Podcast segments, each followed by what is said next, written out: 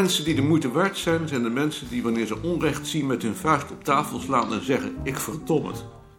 Wanneer ze risico's lopen tenminste. Ja, dat heb je in de oorlog gezien. Die mensen die toen in het verzet zaten, zitten nu allemaal in het oud-strijderslegioen. Nou, dat hoeft voor mij niet. Ik heb het niet over soldatenmoed.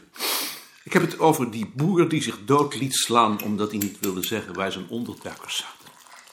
Moed zegt me niet zoveel. Hoor. Dat kan iedereen wel zeggen. Maar misschien was die boer ook wel rechts. Mis- Misschien zijn mensen die moedig zijn meestal rechts.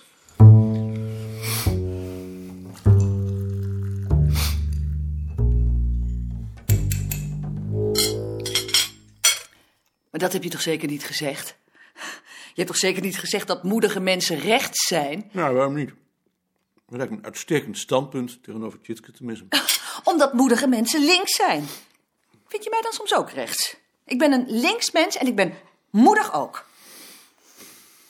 Maarten, ben ik dan soms rechts? Daar heb ik het niet over. Maar daar heb ik het over. Ik heb het over moed. Of het links of rechts is, kan me geen meter schelen. Moed, daar heb ik het over. En volgens jou zijn moedige mensen dus rechts. Moedige mensen zijn anarchist. En anarchisten zijn volgens links-rechts. Ha! Volgens welke linkse mensen dan? Volgens communisten. Ja, maar die zijn rechts. En Tjitske dan? Tjitske is ook rechts. Maar ze vindt zichzelf links en daar gaat het om. Daar heb je toch zeker niets mee te maken. Links is toch zeker wat jij links vindt? En waarom is dat dan niet rechts? Nou, dan hoef je niet zo demonstratief bij adem te halen. Omdat je met jou nooit praten kunt. Ik vertel even om een anekdote. En mag ik daar dan niet op reageren? Mag ik niet reageren als zo'n stom kind zegt dat Bukowski rechts is? Mag ik daar dan niet op reageren als iemand zulke stommiteiten uitkraamt? Als jij er dan nog gelijk geeft ook. Tuurlijk heeft ze daarin gelijk. Of waarschijnlijk heeft ze daarin gelijk. Het interesseert me alleen niet. Heeft ze daarin gelijk? Je gaat toch niet zelf ook nog zeggen dat Bukowski rechts is? Dat ga je toch niet zeggen? Waarom niet?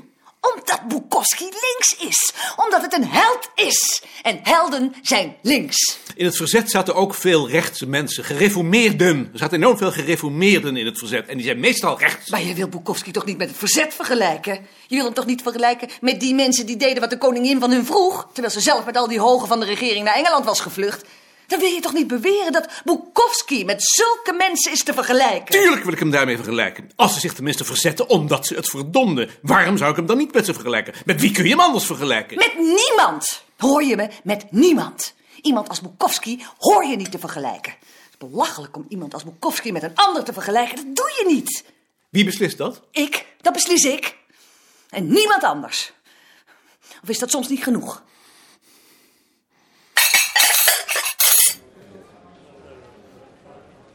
Kom toch hier zitten. Ik heb vier plaatsen nodig. Ja, die zijn er toch. Jullie kennen Cassis? Ik niet. Dit is Groos. Kroos. Koelkassies. Hoort die ook bij jou? Voor eh, een derde. Ligt eraan welk derde, hè? Het hoofd en de rechterarm. Ja, je niet op je kop laten zitten, hè? Wist dat jij hier ook zou komen? Nou, je weet toch zeker dat ik ook historicus ben? Maar op het museum wordt toch geen onderzoek gedaan? Nou, mijn proefschrift dan. Maar daarvoor kom ik niet, hoor. Ik ben hier vooral voor de Boerenhuisclub. Voor de Boerenhuisclub is het van belang dat we straks een vinger in de pap krijgen. Dat is het toch? Daar heb ik nog niet aan gedacht. Nee, dat zal wel. Heb je je verhaal over de wanden van het Boerenhuis al doorgelezen? Dat heb ik doorgelezen. Publiceren toch zeker? Nee, zo kan dat niet. Ik zou het eerst moeten herschrijven voor Nederlandse lezers. Is dat nou echt nodig? Ja, dat is nodig. En hoeveel tijd kost je dat? Half jaar? Ik, ik kan het niet overzien. De vergadering is geopend. Mijn naam is Balk. Men heeft mij gevraagd om deze middag voor te zitten. De agenda bevat drie punten. Punt 1, een uiteenzetting over het doel van de stichting. Punt 2, gelegenheid om vragen te stellen. Punt 3, verkiezing van een bestuur. Punt 1. Het geld dat tot nu toe door ZWO werd toegewezen voor wetenschappelijk onderzoek zal voortaan worden verdeeld door een aantal stichtingen, waarvan de Stichting voor Historisch Onderzoek er één is. Iedereen die historisch onderzoek doet, kan zich aanmelden als lid en als zodanig invloed uitoefenen op de verdeling. De leden delegeren hun bevoegdheid aan het bestuur. Het bestuur laat zich voorlichten door de leden, maar beslist autonoom. Omdat er naar te verwachten valt een paar honderd leden zullen zijn, heeft het voorlopig bestuur gekozen voor een getrapt systeem en besloten een tiental werkgemeenschappen in het leven te roepen. Eén daarvan is die voor dorps- en streekgeschiedenis, volkscultuur en aardrijkskundige geschiedenis, waarvoor u zich hebt aangemeld. Het doel van deze middag is dat u uit uw midden het bestuur van deze werkgemeenschap kiest. De taak van dat bestuur zal zijn om met de besturen van de andere werkgemeenschappen het bestuur van de stichting te kiezen en vervolgens het stichtingbestuur te adviseren over subsidieaanvragen op uw terrein. Heeft iemand daar nog een vraag over? Meneer Heerma. Dank u wel, voorzitter. Het is mij opgevallen dat er precies tien werkgemeenschappen zijn voorzien en niet negen of elf. Kunt u ons nog wat nader informeren over de overwegingen die daaraan ten grondslag hebben gelegen? Eh, Wij hebben zoveel mogelijk rekening gehouden met de verschillende specialisaties. Het hadden er ook negen of elf kunnen zijn, of zelfs acht of twaalf. Dank u. Ja, u, Wordt het onderzoek dat tot nu toe aan de hoe universiteit... is uw naam? Uh, Groeneveld. Wordt het onderzoek dat tot nu toe aan de universiteit, aan de universiteit werd verricht... nu voortaan ook door de st- de stichting gefinancierd? Alleen het onderzoek dat tot nu toe door ZWO werd gefinancierd. U, Mijn vraag sluit aan bij de vorige. Bestaat er enige relatie tussen deze reorganisatie van de subsidiëring door ZWO en de reorganisatie van het wetenschappelijk onderzoek? geen enkele. U, Redveld, welke motieven heeft u gehad om volkscultuur en aardrijkskundige geschiedenis bij onze werkgemeenschap onder te brengen en niet naar de Stichting voor Antropologie en de Stichting voor Geografie te verwijzen? Omdat het naar de mening van het voorlopig bestuur historische disciplines zijn. Ja, u. Hij voelde zich door dat antwoord van Balk in een richting gedreven waarvoor hij zelf uit een ingeboren neiging keuzes zo lang mogelijk uit te stellen nog niet gekozen had. Dat hij de consequenties daarvan niet kon overzien, maakte hem onzeker. Als dat mogelijk was geweest, had hij op dat ogenblik het liefst de vergadering ongemerkt verlaten om er nooit weer terug te keren. Wij zijn lid geworden van deze werkgemeenschap. Eh, mijn naam is Van Akkel. Wij zijn lid geworden van deze werkgemeenschap omdat we belangstelling hebben voor dorps- en streekgeschiedenis. Maar juist op dat gebied zijn ook heel veel amateurs en vaak heel verdienstelijk actief die geen academische opleiding hebben gehad. Kunnen die ook lid worden? Dat staat ter beslissing van het bestuur van de werkgemeenschap. Maar in principe is voor onderzoek een opleiding nodig. En onder opleiding versta ik uiteraard een academische opleiding. Ja? Nog iemand? Dan ga ik nu over tot punt 3 van de agenda, de bestuursverkiezing. Daarvoor zijn tot nu toe vier mensen kandidaat gesteld. Namens de universiteiten Freule van IJzinga, door het Limburgs Historisch Instituut de heer D. Regoe, door het kabinet van het patriciaat de heer E. Schot en namens de archieven dokter G. Herema. Volgens de statuten moet een bestuur uit vijf tot zeven leden bestaan. Er moet dus nog tenminste één persoon aan deze lijst worden toegevoegd. Ja, voorzitter. Mijn naam is Goslinga.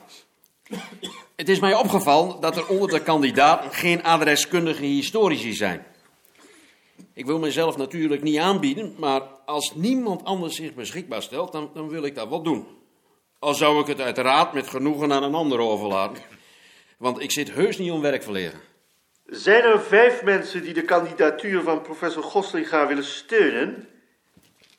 Dan voeg ik u toe aan de lijst. Voorzitter, Meneer Cassis, ik stel vast dat er ook nog niemand voor volkscultuur kandidaat is gesteld. En dat zou ik toch wel bijzonder betreuren. Als vanuit die hoek niemand in het bestuur zou zitten. Te meer omdat wij een hele goeie hebben. Hij zit hier naast mij. Dat is heer Koning. De heer Koning kent duizenden mensen in het hele land. Allemaal mensen die zijn uitgezocht op hun belangstelling voor dorps- en streekcultuur. Ik wil maar zeggen, de heer Koning mag in dit bestuur niet ontbreken. zijn er mensen die het voorstel van de heer Cassis ondersteunen? Vier, nog één. Dan ondersteun ik zelf het voorstel. Als er geen tegenkandidaten zijn, stel ik de vergadering voor om deze zes te benoemen. Proficiat, hè? Nou, eh, Ach, wat. Het is toch zeker prachtig voor de Boerenhuisclub? Dan hebben we toch meteen subsidie voor je wandenboek. Willen de nieuwe bestuursleden hier even bij elkaar komen? Zullen we hier in het café dan maar even op je wachten? ga maar naar huis. Je weet nooit hoe lang het duurt. Dat is meneer Koning zeker. U ken ik, dacht ik nog niet. Nee, Wat nu? Nu moeten we denk ik eerst een voorzitter kiezen. Dat moet jij maar worden. Dat vind ik ook. Ja? Daar ben ik het helemaal mee eens. Nou, dan moet dat maar. Zullen we dan maar meteen een datum afspreken voor een bestuursvergadering?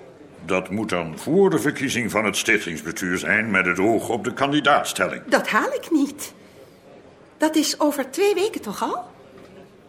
Kunnen we dat nu niet doen?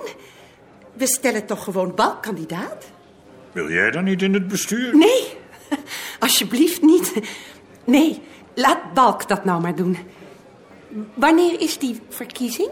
Vandaag over twee weken. Nee, zie je wel. Dan kan ik ook niet. Waar is die verkiezing? In Amsterdam. In het hoofdbureau. Meneer Koning, kunt u dat niet doen? U werkt daar toch? eh, niet in het hoofdbureau, maar ik wil dat wel doen. Nou, dat is dan opgelost. U hoeft dus alleen maar op Balk te stemmen. Ehm, dan alleen nog een datum voor een bestuursvergadering. Maar dat heeft dan ook eigenlijk geen haast. Kunnen jullie donderdag 7 april?